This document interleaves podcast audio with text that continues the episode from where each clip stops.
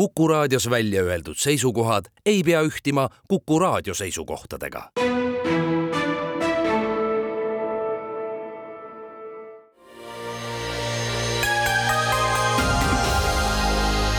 poliitikakuru, kui sina ei tegele poliitikaga, tegeleb poliitika sinuga. poliitikakuru. tervist, alustame saatega ja Poliitikakuru toimetusel on täna selline plaan, et enne veel, kui äh, jõulutaat ennast äh, kuuse kõrvale tuppa pressib Eesti peredes, siis meie teeme ära äh, poliitika aasta kokkuvõtva saate. siis on see asi tehtud ja, ja head kuulajad ei pea ennast nende lõputute teiste kokkuvõtetega enam kiusama. ja selleks on meil stuudio tihkelt täis tagantjärele tarku analüütikuid, Tõnu Runnel tere päevast! Erik Moora. tere päevast! Taavi Linnamäe. tervist! ja Tõnis Leht ja, ja kuidas me aastat kokku võtame, ikka traditsiooniliselt, ehk siis äh, jagame erinevaid tiitleid erinevatele persoonidele, nähtustele, arengutele ja hakkame aga sisepoliitikaga pihta. Äh, eks kevadised Riigikogu valimised vajutasid suure pitseri meie poliitika-aastale ja, ja kuulutame välja aasta võitja kelleks on siis Reformierakond Kaja Kallase juhtimisel. võib-olla küll tänaseks tuleb tõdeda, et äh, oli aasta võitja.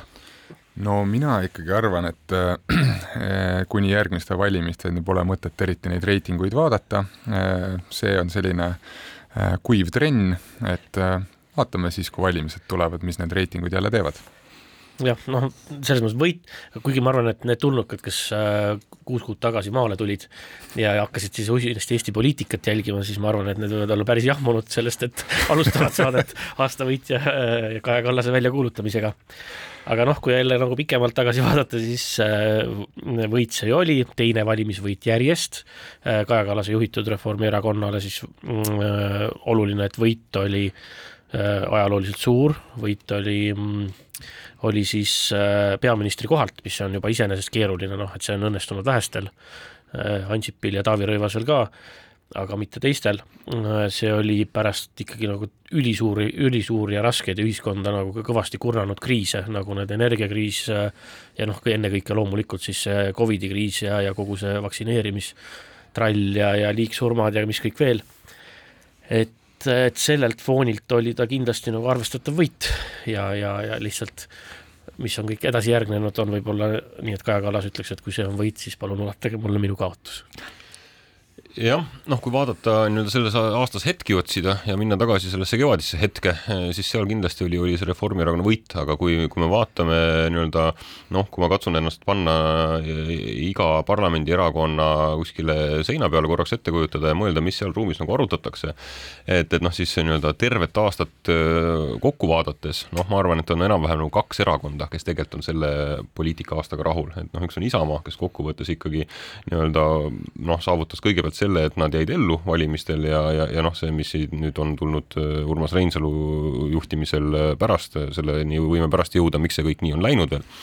Ja, ja noh, teise, teine, teine, kes võiks enam-vähem rahul olla kogu aastaga, on ma arvan, Sotsiaaldemokraatlik Erakond, et, et on hoidnud selles päris nagu turbulentses poliitika-aastas oma head positsiooni, natukene seda ka kasvatanud, tegelenud võib-olla ka äh, mingites lõikudes täitsa edukalt oma maailmavaate või, või mingite väärtuste väljajoonistamisega. et ma arvan, kõik ülejäänud erakonnad eh, nii parlamendis sees kui parlamendist väljas eh, on noh, pigem, pigem ikkagi kratsivad natukene kukalt seda aastat eh, tervenisti nüüd tagasi vaadates jah, ja eks see näitab ka sellise nagu väga suure valimisvõidu sellist kitsaskohta, ongi lihtsalt see, et, et, et olgu, mis on, et olgu need erimeelsused poliitikas millised tahes, siis ühes on kõik teised ühel meelel no., et liiga suureks seda võimu ei tohi lasta, sulle tuleb teha raskeks nii valitsemine kui ka, kui sa peaksid ka mitte valitsema, siis ka see ja kõik muud ja, ja see ka seletab tegelikult see, just see su võidu suurus ja, ja, ja selline nagu ootamatu suurus mõnes mõttes tegelikult seletab ära ka suurema osa selle aasta poliitdünaamikast, äh, nii obstruktsioonist, äh, vastu tegevustest Riigikogus, ka muudest ja, ja, ja tegelikult ka kogu selle sellise nagu intensiivse retoorika pealetõmbamisega, millest me räägime järgmise punkti all. aga ma korraks äh, tegelikult ikkagi veel, et mängulaud segamini lüüa, paneks ühe teise võitja kandidaadi ka lauale, et äh, ma ei tea, meil saates vist hiljem ei tule selle jaoks parajat hetke. et ma arvan, et selle aasta võitja kindlasti on ka abielu, et, et tegelikult abieluvõrdsus, mille valimiste järel koalitsioon kehtestas, on ilmselt äh, kogu selle valimistsükli ja, ja võib-olla see kogu selle kümnendi ja, ja võib-olla ka pikemalt olulisem väärtusotsus, mis Eesti ühiskonda kujundab. et palju õnne. ei saa vaielda, sest et äh, kui vaadata, mida on siis pärast seda suudetud ära teha, siis äh, pärast äh, abieluvõrdsuse kehtestamist on läinud mõnevõrra veel raskemaks oluliste ja murranguliste otsuste tegemine. ma tahtsin mainida, et äh, see minu ennustus oli, et, äh, et see abieluvõrdsus tegelikult ei olegi mingi teema, ta on teema ainult sellepärast, et ta on veel kehtestamata ja kui see ära kehtestati, siis on olnud meeldivalt rahulik ja vaikne, nagu oligi tarvis. võitjatega ei vaielda. aga võtame ette Mitte järgmise, võtame ette järgmise kategooria ehk siis aasta muinasjutt ja, ja selle sisuks on äh, need tuntavalt suured äh, käärid väga suure osa ühiskonna silmis, mis, mis on siis äh, valimiskampaania ajal kõlanud loosungite ja ja pärast seda toimunud reaalse koalitsiooni ja valitsemise tegelike sammude vahel, ehk et kui suured need muinasjutulised käärid siis õigupoolest olid?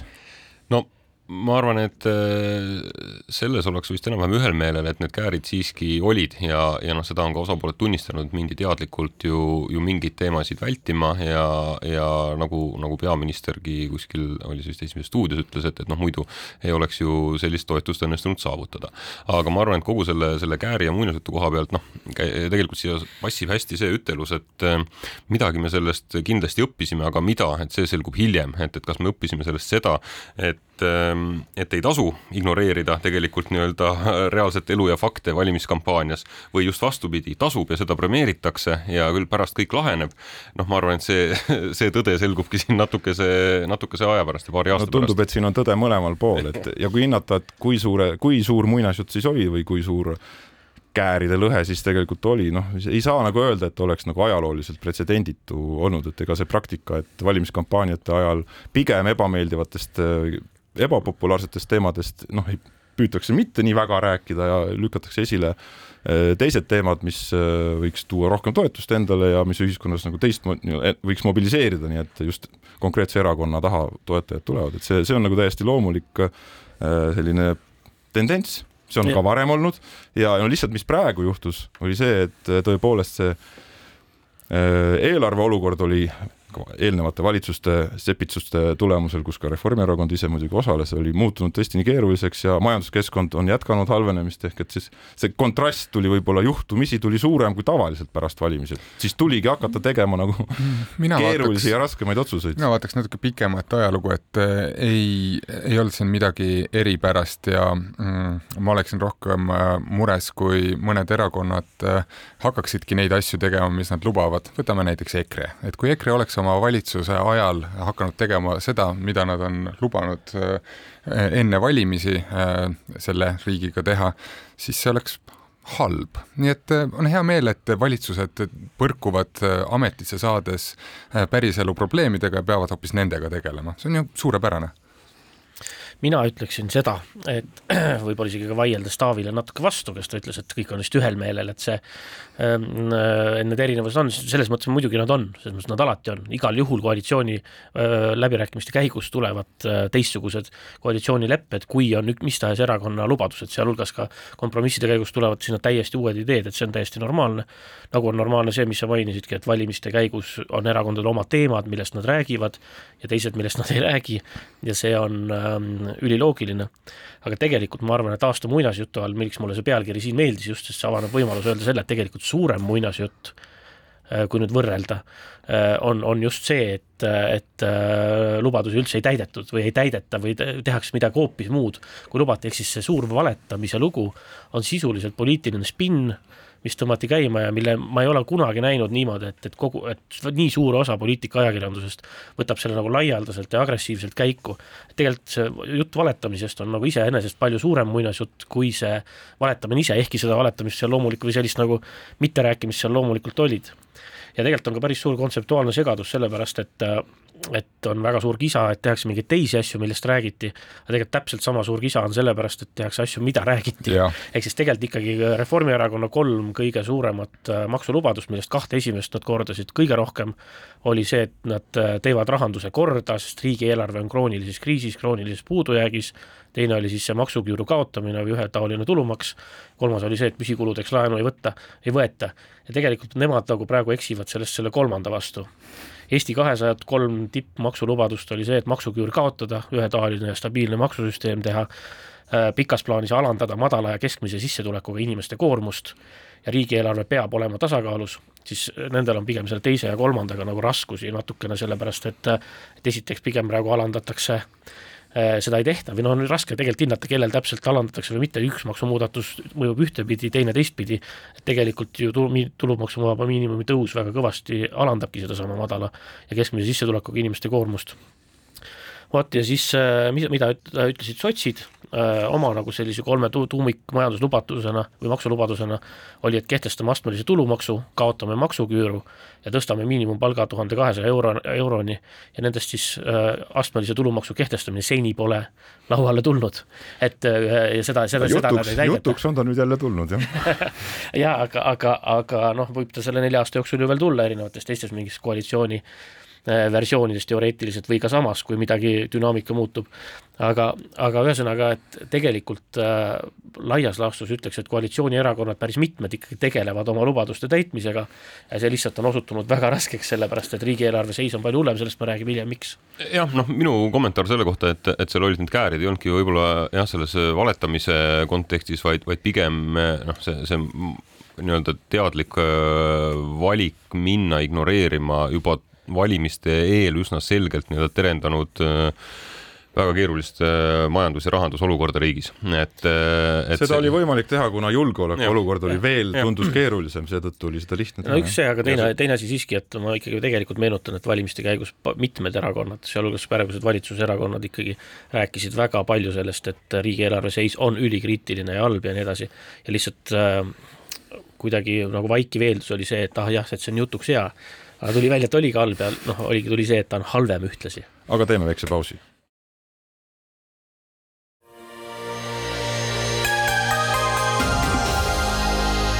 poliitikakuru, kui sina ei tegele poliitikaga, tegeleb poliitika sinuga. poliitikakuru jätkame saatega ja võtame lõppenud poliitika-aastat kokku. Taavi Linnamäe, Erik Moora, Tõnu Runnel ja Tõnis Leht ja jagame erinevaid tiitleid siis tähttegijate ja sündmuste eest sel aastal ja järgmised kategooriad on siis aasta kannataja ja aasta rakett. Kaja Kallas siis kannataja tiitli eh, võitja idavedude skandaaliga ja raketi tiitli saab Urmas Reinsalu eh, Isamaa eh, kosmosesse lennutatud reitingu eest. jah, mis tegelikult ongi sisuliselt sellise äh, Äh, unistus äh, mingisugusest teistsugusest poliitilisest ja majanduslikust olukorrast, mida siis äh, Urmas Reinsalu lihtsalt kehastab, sest tegelikult on ta, on ta ju selline kuidagi nagu üksi on ta seal pildis, üksi ta seda kõike kannab, teda lükatakse ette ja tegelikult ta koondabki, ma arvan, inimesi unistust äh, või sellist nagu abstraktset pahameelt no,. ja ka pettumust jah, just nimelt, et, et noh, kui võtta seda, korraks mõelda selle raketi peale, mille seljas kaksiratsi vapper Reinsalu istub, et noh, selle, selle raketi konstruktsiooniks tegelikult on noh, ei saa öelda, et ainult nagu kontekst loeb, et, et noh, tegelikult ikkagi nii-öelda lausiibe populismist loobumine Isamaa poolt, et noh, millal viimati me kuulsime rääkimas äh, õigest laste arvust või muust sellisest Isamaa poliitikuid. Ja noh, tegelikult on, on seal toimunud ka sisuline nihe ja mis on teinud võimalikuks siis selle, selle nii-öelda raketikütuse ehk et, et siis teiste erakondade tagant pudenenud häältel, kuna ka Keskerakond on olnud üsna nagu suurtes muutuste keerises, et sinna ei ole need hääled nagu läinud, kuhu need nii-öelda ütleme, Jüri Ratase valijad endised. Ja, ja siis ongi, ongi kuidagi laokil ja, ja ainukene loogiline koht on siis selle, selle raketi taha koonduda, mille, mille peal istub Urmas Reinsalu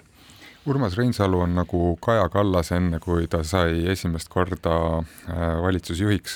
Äh, kas te mäletate, kuidas kõik projetiseerisid äh, Kaja Kallasele oma unistusi, et millist poliitikat siis hakkab tulema ja need olid väga erinevad unistused inimestel, aga kõik projetiseeriti Kaja Kallasele. no eks see on ikka sellise rahulolematuse väljenduse kehastuse puhul, et need ootused on küllalt erinevad, mis aitas lisaks sellele, mis iibe teema, mis Taavi mainis, aitas ka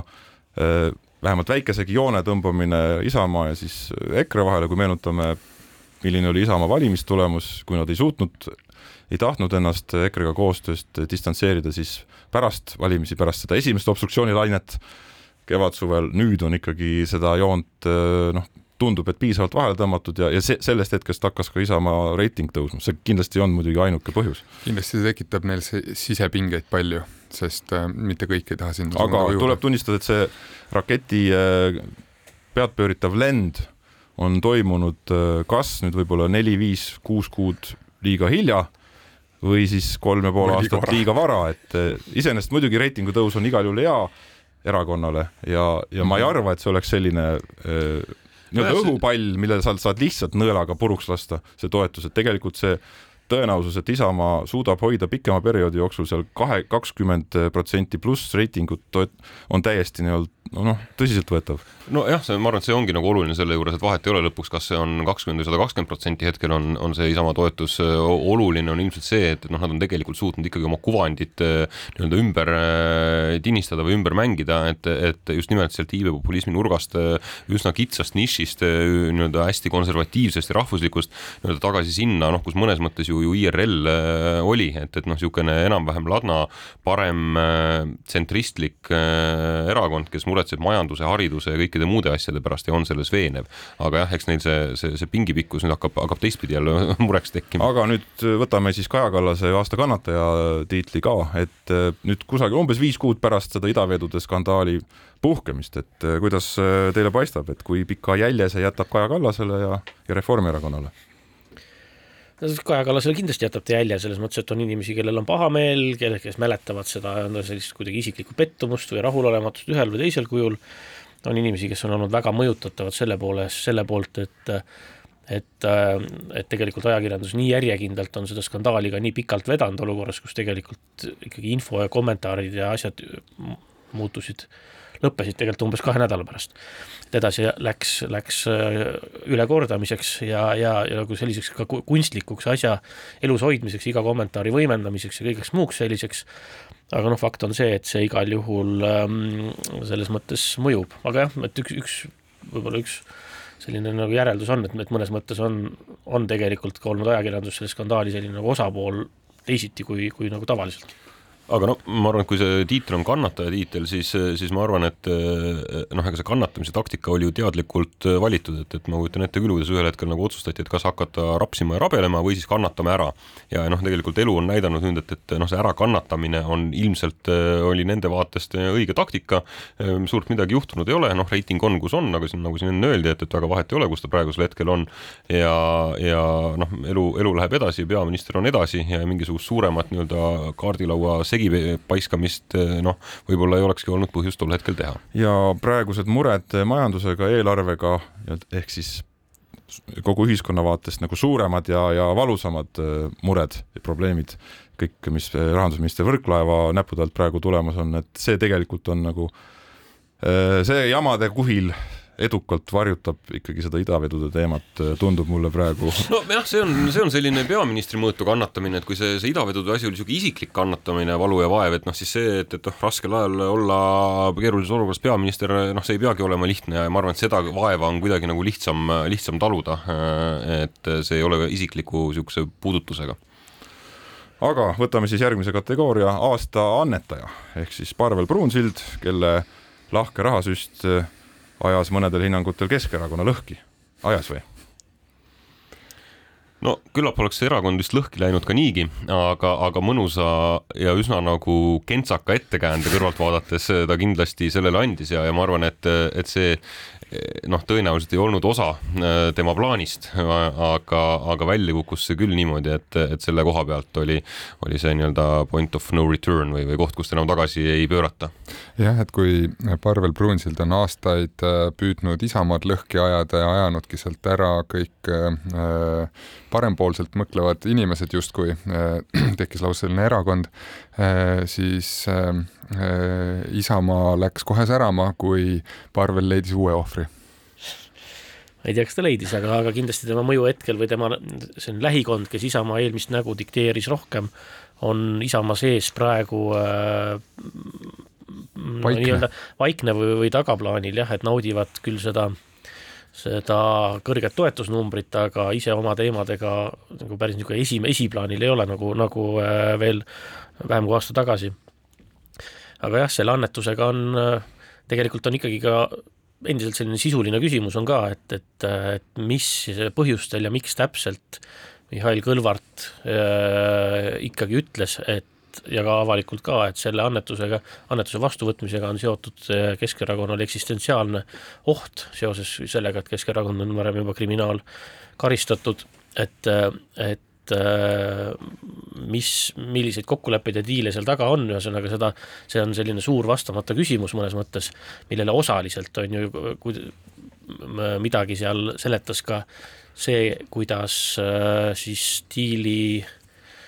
tegemisel äh, ilmselt keskses rollis olnud äh, Jaanus Karilaid Isamaasse üle läks üsna, üsna, kuidas nüüd öelda, maailmavaateliselt ja positsioonide mõttes väga ootamatult. meil on veel sisepoliitika valdkonnast üks selline nähtus veel premeerida, ehk siis aasta ankur,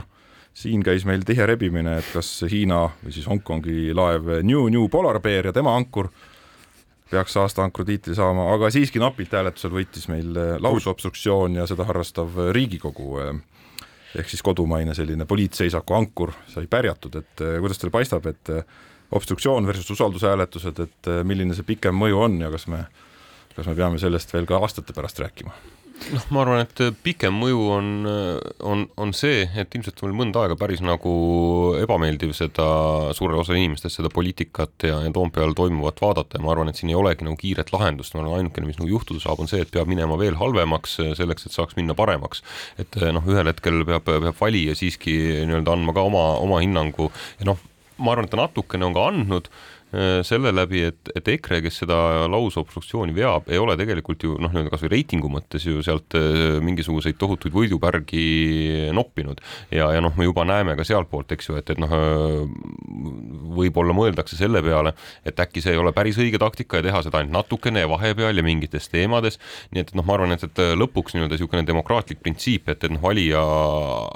maitsest või valija ja tellimusest see tegelikult nagu oleneb. ma arvan, et see kehtibki, aga, aga noh, küllap me näeme seda siin veel päris pikka aega. EKRE-l on tihtilugu selline keeruline olukord, et kui nad äh, muutuvad populaarsemaks kui kui see nende baas viisteist, kakskümmend protsenti, siis nad jõuavad territooriumile, kus on äh, ka sellised mõtlevad inimesed nende elektoraadis ja siis, siis sa järsku ei saa nende samade võtetega, mis on ainult hävitamine äh,, ainult laastamine ja siis järsku pead suutma kõnetada täiesti, täiesti teistsuguseid inimesi. nii et neil ongi keeruline, tuleb kaasa tunda, äh, kui, kui nad teevad obstruktsiooni, siis nad on seal viieteist peal ja nende core publik, tuumikvalija on väga rahul jah, seda obstruktsiooni sellisel hinnangu andmisel on eks ka segadust põhjustanud natuke selline kuidagi kummaline ambivalentsus või kahepoolsus ka mitmete arvamusliidrite ja, ja, ja, ja selliste äh, ka riigiõiguse noh, asjatundjate ja advokaatide, juristide, kes siin sõna on võtnud, äh, nende poolt tegelikult on ikkagi ju noh, laias laastus on selge, et äh, see, seesugune lausobstruktsioon on nii, nagu õiguskantsler Ülle Madise on ka hakanud nüüd ütlema äh, praeguseks, et see on ikkagi põhiseadusliku korra ründamine ja selle sellel natuke pehmemas vormis on sama mõtet ju ka Riigikohus ikkagi väljendanud. põhimõtteliselt küll jah, jah just, et, et see on põhiseadusliku võtme, kõige tähtsama põhiseadusliku institutsiooni ja Riigikogu töö äh, täielik tor-, äh, nagu väljalülitamine, et see ei ole põhiseaduspärane, ütleme siis nii. ja, ja ma arvan, et need hinnangud äh, äh, ka mängivad rolli selles, et, et aitavad, aitavad meil kõigil ja inimestel siis oma hinnangut anda, et, et tegelikult on ikkagi äh, noh, muidugi lihtne poliitiline tõde on see, et kui ikkagi valitsuskoalitsiooni eelnõud pannakse lausobstruktsiooniga seisma, siis äh, usaldushääletused on lihtsalt vältimatu tagajärg, juhtuks igasuguse valitsuse, igasuguse opositsiooni puhul ja, ja, pole ja, alternatiivi. jah, et see on, see on tegelikult äh, aiaaugust rääkimine. aga no pikem mure on ikkagi see, et seesama taktika on välja töötatud, edukalt katsetatud, ta takistab oluliselt ikkagi riigi toimimist ja, ja tõenäoliselt jääb see mõningate poliitiliste jõudude arsenaliga tulevikus ja, ja on osa ka ütleme näiteks valimiskampaania lubadustest, et kui, kui, kui tehakse mingeid asju, mis meile ei sobi, siis me, meil on olemas meetodid, kuidas demokraatia mootorisse kangi lükata. aga see ainult venitab, nad ei saavuta lõpuks äh, sellega no ta, ta äh, venitab, aga, aga ühtlasi ta ka ikkagi väga tugevalt murendab usaldust äh, demokraatia ja parlamentarismi suhtes, mis on no, min... mis on pikem probleem. see on, see on üks pikem teema, aga enne sa ka mainisid, Taavi, et äh, mulle tundub, et äh, ei ole olnud sellist õitsvat aega, kus kõigile väga meeldis ja olid äh, õnnelikud poliitelu üle, et see on alati, iga kord on, oleme me siinuse põhjas natuke aega pärast valimisi. aga mind, mind natukene selle obstruktsiooni juures tegelikult häirib sarnane asi, mida, mida Eerik tegelikult tõi siin ühes eelmises teemas ka välja, et et selles valetamise teemas, et noh, selle, selles obstruktsioonis on ka nüüd kuidagi nagu no, üritatud ja üsna edukalt tegelikult hakatud nagu rääkima seda lugu, et, et noh, justkui eh, koalitsioonil noh, ei peakski olema õigust oma asju ikkagi ellu viia, et, et tulebki otsida mingisuguseid kompromisse ja midagi tagasi võtta. et noh, et ma arvan, et see jutt ei ole ka nagu, nagu mõistlik, et noh, selle jaoks tegelikult ongi siiski valimised, et, et noh, ei saa olla nii, et, et ärge tehke enda asju, tehke hoopis midagi muud, eh, kuigi te võitsite. teeme siinkohal taas pausi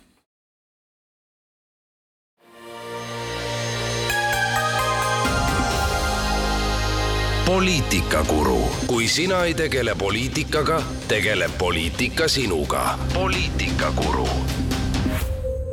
jätkame eh, poliitaastat kokkuvõtva saatega. Stuudios Taavi Linnamäe, Eerik Moora, Tõnu Runnel ja Tõnis Leht. Ja nüüd anname siis eh, välismaa kategooria eh, alustuseks välja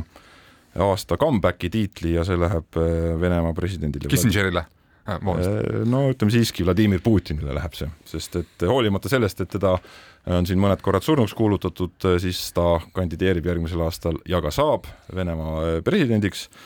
äh, reisib jälle mööda maailma, teeb visiite, õhutab konflikte mitte ainult siis enda piiridel, vaid ka Lähis-Idas, Ladina-Ameerikas ja ilmselgelt on, on see trend nagu läinud tema vaatest ülespoole, samas mure Ukraina saatuse pärast on meil kasvamas no nii, nii on jah. kes tahab kiita auhinnasaajat? et noh, ma, ma võib-olla auhinnasaajast liiga palju ei räägiks, aga ma pigem räägiks sellest, et mis on nii-öelda tema tuules samamoodi võib-olla uuesti pilti tulnud või, või tulemas, et eh, noh, ma arvan, et kui, kui vaadata nii-öelda pikas ja strateegilises geopoliitilises plaanis, siis, siis noh, ilmselt on selle aastaga saanud selgeks eh, see, et Ukraina sõda kestab pikalt ja kaua tõenäoliselt ja selle ja, ja teistpidi nii-öelda vaadates mujal maailmas toimuvat, noh, hakkab vaikselt settima see arusaamine, et Euroopa peab ise enda asjadega hakkama saama pikas plaanis, et me ei saa loota sellele, et on kuskil Ameerika suure globaalse politseinikuna, samal ajal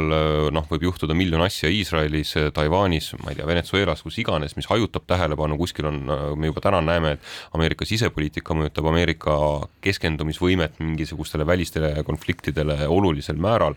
Ja noh, ma arvan, üha enam settib see sedastus jah, et, et Euroopa peab enda ja enda piiride lähedal toimuva. see settib, aga, aga, aga sinna on veel väga palju minna ja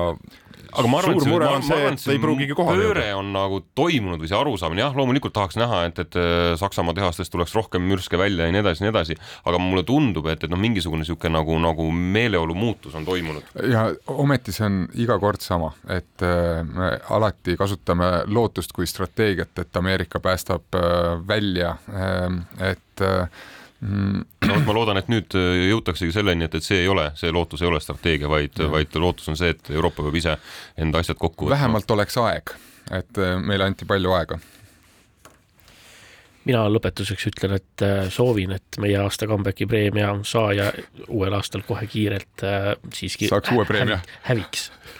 saaks, sooritaks nii-öelda exit'i, aga meil on ka väiksem comeback, äh, Hamas on äh, tunginud äh, jõuliselt areenile, aga või, tema puhul võib küll globaalselt ja lokaalselt vaadata, et võib-olla see esiletungimine nüüd Iisraeli väga jõulise tegevuse tulemusel võib tõesti ka teatud exit'iga lõppeda. Võib tõesti ja, ja Hamasi puhul on ka see, selle ikkagi selle kogu selle toimuva asja sellise Äh, nagu ratsionaalse iva leidmine on sedavõrd keeruline, et arvestades Hamasi struktuuri, et tegemist on on selles mõttes niisuguse terroristliku mafioosse struktuuriga, mis äh, valdavas osas on juhitud siis äh, ülirikaste, ülikorrumpeerunud selliste terrorismi suurjuhtide poolt, kes asuvad teistes riikides ja nii edasi, et siis, siis nii, nii nagu ajuvaba ja, ja, ja hullumeelne ja mõttetu rünnak saab olla õigustatud, mis ongi tänaseks maksnud ju tuhandeid ja tuhandeid sedasama Hamasi enda võitlejate elusid. Ja ja, ja vangi, vangi langenud ja, ja, ja kõik ja lisaks täiesti kohutavas hulgas põhjendamatuid tsiviilisikute surmasid, siis, siis noh, see, see peab olema nagu mingisugune niisugune äh, nii-öelda nagu korraldatud või, või geopoliitiline või mingil muul te põhjustel tehtud operatsioon üle selle Hamasi tavaliste nende niisuguste fanaatiliste see, ja terroristide pea. see iseloomustabki see, see, mis toimub, mm, neil ei ole midagi kaotada selles mõttes, et, et need kaugel istuvad rikkad rahastajad ja niiditõmbajad, ega, ega neil lelusid vähemaks ei jää et see on äh, kõige kurvem osa selle juures, et, et seal ei pidanudki mingisugust positiivset äh, võitu, mingit strateegilist võitu ei pidanud olema, see ei olnudki eesmärk. no igal juhul neid konfliktikoldeid, mis ka meid äh, läbi globaalse ja lokaalse tasandi mõjutavad, on aasta jooksul tulnud paraku järjest juurde, aga anname nüüd välja hoopis teisest valdkonnast aasta ai või siis aasta ai ehk siis tehismõistuse pealetungi auhinna, et Tõnu Äh,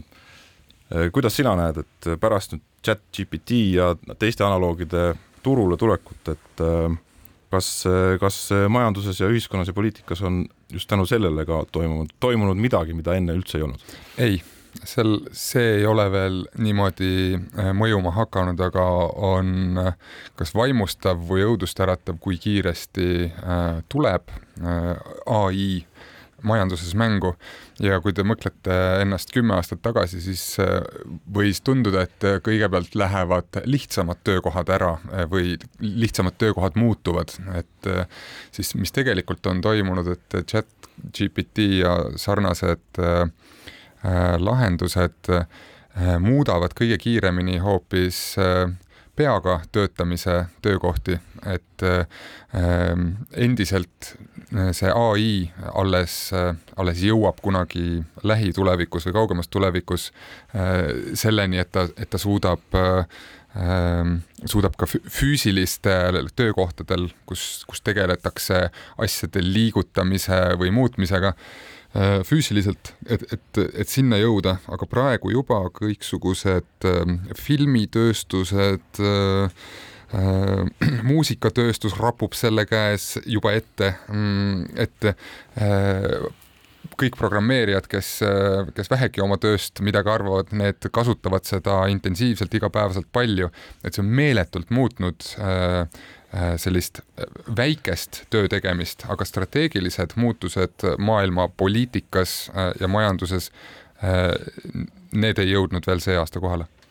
ma arvan, et üks äh, muutus, mida me ilmselt ka üsna pea nagu näeme, et noh, ma olen ühtpidi nõus Tõnuga, et, et ilmselt need pikemad strateegilised muutused veel, veel tulevad, aga, aga ma arvan, et kõik see, mis puudutab sellist nii-öelda infomüra ja selles orienteerumist ja võimekust seal toota usutavaid asju, on, on selle ai-ga ikkagi nagu Meeletu. hästi kõvasti tõusnud. ja noh, kui me vaatame, et järgmisel aastal toimub väga palju üliolulisi valimisi, äh, siis ma arvan, et noh, järgmine aasta kindlasti me näeme kaasuseid, kus siis nii-öelda igasugused, on see siis deepfake või süvavõltsingud, äh, igasugusused äh, nii-öelda loodud äh, näilisus sekkub ja, valimistesse. Ja mitte, mitte mingisuguse paha algoritmi moel, kus, kus nii-öelda ai hakkab ise midagi toimetama, aga just see võimekus luua reaalsena näivaid asju on nii nagu, nagu lihtsaks läinud. Ja ma arvan, et see kindlasti kuskil mingitel valimistel nii-öelda lööb aga sisse. eks see toob ka sellise tagasilöögi, tõenäoliselt igasuguste nii-öelda audiovisuaalsete kujutiste, piltide, filmide usutavus saab juba on saanud ja saab edasi väga suure hoobi ja noh, muidugi valimiste kontekstis muidugi ai aitab ka andmeanalüüsi puhul seda veel, veelgi võimestada ja aga see on neis... veel eraldi äh, mitmepäevase saate teema, aga, aga see, see läheb palju kaugemale äh,, kuni selleni välja, et spekuleerime, et jäta, jätame siinkohas selle äh, mõtte lahti, aga et kuna ai on väga võimekas suhtleja inimesega äh,, siis poliitika saab tõeliselt personaalseks minna. et kui varem olid robocall'id, mis olid suhteliselt lollid asjad, USA-s, kus, kus sulle helistatakse, aga see robot ei suuda tegelikult sinuga, sinuga muud teha, kui sulle iba ajada, siis nüüd äh, suudab ta suhelda ja see võib olla mitte chat GPT, vaid Kreml GPT, nii et see huvitavaks läheb täiesti kindlasti, nagu Taavi ütles. ja, ja taolisi lahendusi Äh, on kasutatud juba ka Ukraina konfliktis ja sõjas mm., on tehtud näiteks nii-öelda nagu infooperatsioonide raames selliseid ähm, neid automaatseid või ai põhiseid kõnesid. helistavaid emasid. Äh, helistavaid emasid erinevatele või helistavaid äh, sõdureid erinevatele emadele äh,, nii edasi ja et külvatud omajagu segadust sellega, et niisu-, niisugused asjad on äh, võimalik kasutada nagu ka nii sõjanduses, aga loomulikult on neid võimalik kasutada ka kõikvõimalikus äh, kuritegevuses, kus ma arvan, väga usinasti tegeletakse nende võimaluste väljatöötamisega ja uurimisega ja täpsustamisega, lihvimisega. Äh, väga hea, teeme pausi.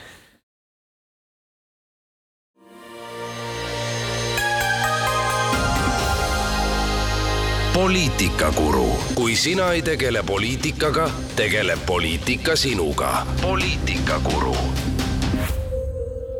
jätkame saatega, Taavi Linnamäe, Eerik Moora, Tõnu Runnel ja Tõnis Leht ja võtame poliitika aastat äh, kokku. anname nüüd välja aasta vindu ja tiitli selle võidab Eesti majandus. kelle süül siis on majandus niimoodi auku nüüd vajunud? hea küsimus küll. ettevõtjate. hakkame nimetama. kes, kes tegelevad majandusega, ettevõtjad Putini äh, sellepärast, et Eesti majandusest ikkagi täitsa arvestatav äh, osa majanduse vereringest oli seotud endiselt ikkagi Äh, Vene, Venemaaga, Valgevenega, idavedudega, äh, kõikvõimalikega. seetõttu teiseks on süüdi loomulikult on äh, rootslased, soomlased ja nii edasi, kelle majanduses ka oli seesama seotus olemas ja kelle kinnisvaraturud ja kõik muud on intressi tõustes ära hangunud, mistõttu ei taheta Eesti, Eesti ehitus toodangut ja, ja, ja see on tegelikult Eesti ekspordile kõige nagu konkreetne niisugune valusam pauk, nemad on süüdi. otsime veel, tahate veel süüdi saada, tegelikult no tahan... tegelikult ikka inimesed ka süüdi, et küsivad liiga on... palju palka, et noh, lisaks toorme hinnatõusule ja turgude äralangemisele on, on kolmas nii-öelda komponent selles võrrandis on, on, on tööjõukulude üsna kiire kasv ja noh, siis ongi ja. täiuslik torm käes siis, ja kõik on süüdi. siis on süüdi Euribor ehk siis Euro keskpangad, kes on tõstnud Euribori, mis on muutnud raha hinna tunduvalt kallimaks ja seetõttu on väga paljud investeeringud jäänud tegema, tegemata. ja järgneb ka äh, pankrottide äh, mikrolaine kas või? aga imestusega tahan rääkida veel ühest süüdlasest äh, pikemalt, kes on ka süüdi. ja süüdi on siis tegelikult need poliitilised jõud, kes tegid selle pensioni teise samba reformi. kes need olid? sellepärast, et, sellepärast, et tegelikult ka sellest meie majandusest on meil mitmes mõttes üsnagi moonutatud pilt et me teame seda, et, et majandus on meil äh, noh, tõusnud, ta on esiteks, ühesõnaga sissetulekud ja muud sellised on tõusnud tagasi üheksateist, kahe tuhande üheksateistkümnenda sajandi, kahe tuhande, kahe tuhande üheksateistkümnenda aasta tasemele, tasemele ja, ja aga vahepeal on siis nii-öelda see üks kühm, kus olid tasemed olid oluliselt kõrgemad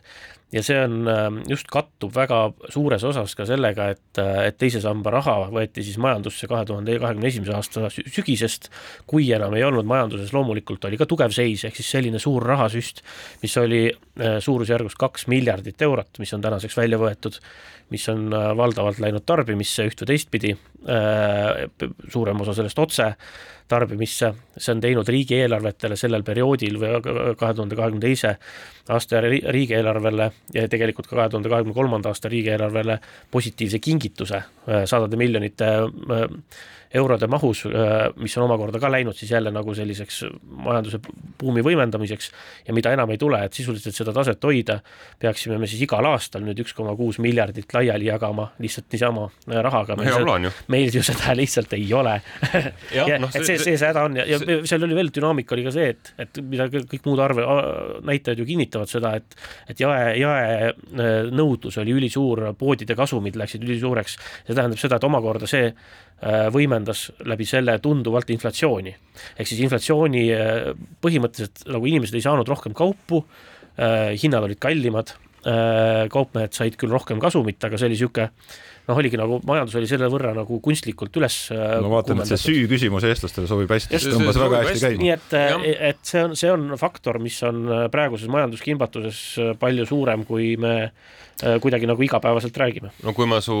pika ja väga sisuka jutu lühidalt kokku võtan, siis selle asja nimi, millest tegelikult tahaks rääkida, on selline keeruline sõna nagu kontratsüklilisus. ehk et noh, see, millest sa tegelikult räägid, on see, et, et me nii-öelda suhteliselt heal majanduse ajal riik oma meetmetega kallas tarbimisse väga suure koguse raha juurde, kui oleks pidanud tegelikult käituma teistpidi ja noh, täna, kui on halvad ajad, peaks riik majandust noh, igasuguse niisuguse tervemõistusliku loogika järgi pisut nagu stimuleerima või ergutama, aga selleks meil täna enam võimalusi ei ole, sest et peame nii-öelda headel aegadel tehtud kulusid hakkama kokku tõmbama ja, ja noh, see, see ongi see, see tegelikult selle probleemi nagu lühikirjeldus, mille otsas me, me oleme. noh, ainuke asi, mis, mis täna natukene siiski lootust annab, kuigi need prognoosid järgmisteks kvartaliteks on, lähevad iga järgmise prognoosiga natukene kehvemaks, on see, et noh, tegelikult on tööturg laias laastus Eestis siiski pidanud vastu, meie ettevõtetel on selgunud, et oli natuke ilmselt rohkem reserve, natuke rohkem hoitakse oma töötajaid kui eelmiste kriiside ajal, ehk et ei lasta neid minna, sest et äh, on aru saadud, et kui äh, tsehhid tühjaks teha inimestest, siis pärast nende uuesti sinna leidmine on hästi nagu keeruline, vaevarikas. ja noh, see on hoidnud tegelikult seda noh, mõnes mõttes seda suurt äh, nii-öelda laksu veel tagasi, et ja noh, ei oska öelda, kas see, kas see püsib sellisena. Äh, aga, aga noh, võib-olla, võib-olla siiski püsib, kui kuskilt hakkab paistma mingi helgem tulevik. no sinu kontratsüks-, kontratsüklilise siis eelarvepoliitika osas äh, võib-olla eksprompt annaks välja siis aasta Võrklaeva tiitli äh, rahandusminister Mart Võrklaevale, kes on vähemalt tõesti, tõesti temale? sel korral küll, jah. kõigist, kõigist maailma võrklaevadest. kes siis sel nädalal on püüdnud võib-olla natukene seda selle valitsuse eelarvepoliitikat või kurssi muuta ettevõtluse seisukohalt võib-olla vähem makse tõstvaks ja noh, tõenäoliselt siis pisut enam laenu võtvaks, et kuidas te näete, kas kas see eelarve, edasised eelarvekõnelused viivad mingite tulemusteni? kindlasti nad mingite tulemusteni viivad, iseasi, kas need on kuidagi kellelegi soovitavad või head, aga noh, eks kõik selgelt saavad ka aru, et et äh, praeguses olukorras äh, mõelda välja nelisada või viissada miljonit e-, eurot eelarvesse toovat uut maksu on ikkagi väga tõsine pähkel, et, et no., et päris mitut maksu ikka väga palju oleks vaja tõsta selle jaoks. jah, noh, ega seda, sellist raha korjab kokku ainult ikkagi suuri makse oluliselt tõstes, käibemaksu, tulumaksu, aga noh, auhinna saaja nii-öelda mitte küll tahtes pisendada seda suurt tegu, millega ta hakkama on saanud, aga aga noh, hästi lihtne on ära jätta asju, mida ei ole veel nagu välja mõeldud või kokku lepitud, et et ei maksa nüüd väga, väga ka üle hinnata seda, et hakati arutelu pidama. aasta kokkuvõtte lõpuks on meil siiski ka veel mõned mõned suured teemad. aasta rekord, seda on siis pakkunud meile globaalne soojenemine, nimelt siis käesoleval aasta on olnud üks koma nelikümmend kolm kraadi soojem kui, kui tööstusrevolutsiooni eelne keskmine ja ja, ja null koma üks kraadi soojem kui, kui viimane siis kõige kuumem aasta kaks tuhat kuusteist, ehk et eh, soojemaks läheb päris heas tempos, samas mingisugune lootusekiir ikkagi ka paistab, et selline energiapööre vähem fossiilse maailma poole, vähemalt Euroopas, mingil määral isegi ka Eestis ja, ja isegi võib-olla ka maailmas on justkui toimumas. absoluutselt, see on maailmas toimumas. et äh, taastuvenergia lisandumine on äh, olnud eksponentsiaalne äh,, kõigist uutest energia lisandumistest üle maailma on see kaheksakümmend protsenti või rohkem, ta, taastuvenergiade hinnad on, kukuvad drastiliselt, ta on inimkonna ajaloo kõige odavam energiaallikas ennekõike siis päikeseenergia, aga tegelikult tuul on ka liikunud samas rütmis mm Euroopas on riike, kus taastuvenergia osakaal on viiskümmend, kuuskümmend protsenti äh, nädala või kuu tootmisportfellist, äh, päris, päris mitmeid, nii et see muutus on tegelikult väga-väga kiire, see on see lootuskiire koht, samasugune areng toimub ka elektrisõidukite kasutuselevõtul. ja oluline on äh, mitte kunagi ära unustada, et äh, taas, nii-öelda taastuvate allikate kõrval on ka tuumaenergia, mida tuleks äh, kiiresti ja rohkem rakendada maailmas, sest äh, meil ei ole nii kaua oodata. Selle, sel teemal võiks muidugi vaielda, et äh, kas Eestis, kas see on Eesti tee, maailmas kindlasti. maailmas kindlasti. Jah aga..., lihtsalt fakt on see, et, et tuumaenergia viimase kahekümne aasta jooksul maailmas äh, ei ole juurde, ei ole juurde tulnud, samal ajal kui äh, taastuvenergia tuleb väga kiiresti. see on poliitikate küsimus. ja, ja, ja kui on eesmärk kolmekordistada praegu ähm, tuumaenergia maht aastaks kaks tuhat viiskümmend ja samuti ka oli maht taastuvenergia maht kolmekordistada, siis teine neist on ülisuure mõjuga ja teeb ära ülisuure osa energiapöördest ja tuumaenergia osakaal jääb väikseks ka kolmekordistudes aga noh, kui, kui siiski vaadata, et, et tegemist on aasta lootusekiirega, et siis noh, minu jaoks on oluline, et kui me vaatame selle aasta valimisi, mis nüüd toimusid kevadel ja vaatame kaks tuhat üheksateist valimisi, kui olid eelmised Riigikogu valimised, siis noh, kipub nagu meelest minema, kaks tuhat üheksateist valimistel ei olnud kliima ja rohepöörde küsimused top kümne olulise valimiste teema hulgas. ja see ja, ja sel aastal oli see selgelt Eesti sisepoliitiliste valimiste, parlamendivalimiste teema ka. Ja noh, me juba näeme, et noh, tõenäoliselt Europarlamendi valimistel on ta top kolme teema hulgas ja noh, see, see lootuskiir on tulnud selleks, top kahe hulgas pigem isegi. no ma arvan, ma arvan, et raha, rahandus ja julgeolek immigratsiooniteemad ja, ja kliima ilmselt noh, rohepööre, noh, natuke ka seotud omavahel, eks ju. Te olete optimistid, ma ütleksin, mina kahtlustan, et Euroopa, seda me veel jõuame rääkida ka horoskoobi saates, aga ma kahtlustan, et Euroopa Parlamendi valimistel väga suur osakaal lisaks siis nendele äh, kliima ja rohevastasusele ja poolda-, pooldamisele saab olema hoopis niisugune äh, laias laastus niisugune Euroopa Liidu vastasus, et kuidas me peame ikka seal nagu jala maha lööma ja neile koha kätte sisemine näitama. sisemine ungarlane sinus võttis sõna praegu. jah, just, ma arvan, ma arvan, et see, sisemine Ungari hakkabki meil seda debatti aga Erik, need juhtima. käivadki ju väga ilusti käsikäes. jah, need samad, täiendavad ilusti. samad äh, erakonnad, kes ja. tahavad tagasi Kivisöele minna, tahavad ka kõiges muus tagasi minna. ühesõnaga, poliitiline äh, pärituul ei ole garanteeritud sellel teemal, ehkki nii-öelda reaalsed äh, nihked ja muutused Äh, suurte piirkondade ja juhtivate riikide majandustes on toimumas, äh, finantsmaailmas samamoodi. Äh, taastuvenergia suunas, aga poliitilisi nii-öelda tõmblusi võib tulla teisigi, ehk eks ei ole ainult Euroopa Parlamendi valimised, mis võivad seda Euroopas valitsevat konsensust roheülemineku osas pidurdada, ikkagi ka USA-s toimuvad valimised võivad seda ka märgatavalt noh, nihutada või muuta et äh, poliitilist garantiid siin, siin ei ole, aga noh, üldine nii-öelda trend on siiski suhteliselt keeruline seda tagasi keerata. aga no päris lõpuks äh, oli meil siin kollektiivi ühise konsensuse alusel ka veel aasta auto tar tiitel tarvis välja anda, mis see on, on kõige siis, kõige oodatum tiitel igal aastal. Kes siis soovib täpsustada, et kas see oli nüüd äh, Võrumaa või Põlvamaa äh, aasta auto, aga igal juhul see on Volkswagen Passat. jah, kas mitte firma nimega aasta auto, mis Lõuna-Eestis autosid müüb, ei müü Volkswagen Passatit, ma arvan, et müüb parem oleks. jah, aga, aga ma arvan, et äh, ikkagi see andis tagasi usu, et, äh, et Eesti inimesed on jätkuvalt autorahvas, autousku, tulgu need kliima ja rohepöörde küsimused ja mingu need, aga autousk jääb jah, ja maksuteemad siis automaksu ümber eh, sobivad ka väga hästi, sest et eh, on, millest rääkida, mida karta ja mida kiruda ja noh, on, on isegi ka mõningaid selliseid, kes seda takka kiidavad, aga jah, aga seoses sellega ma, me oleme nüüd välja andnud aasta autotiitli siis nendele Volkswagen Passatitele, kas kuidagi saaks korraldada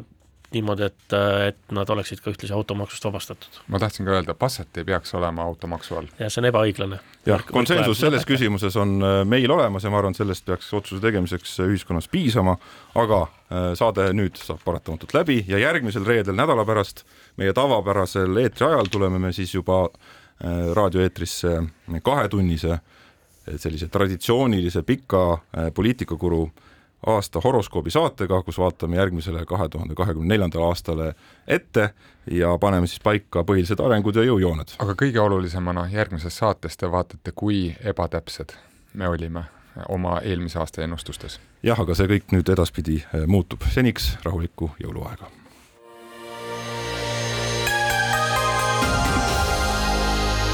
poliitikakuru, kui sina ei tegele poliitikaga, tegeleb poliitika sinuga. poliitikakuru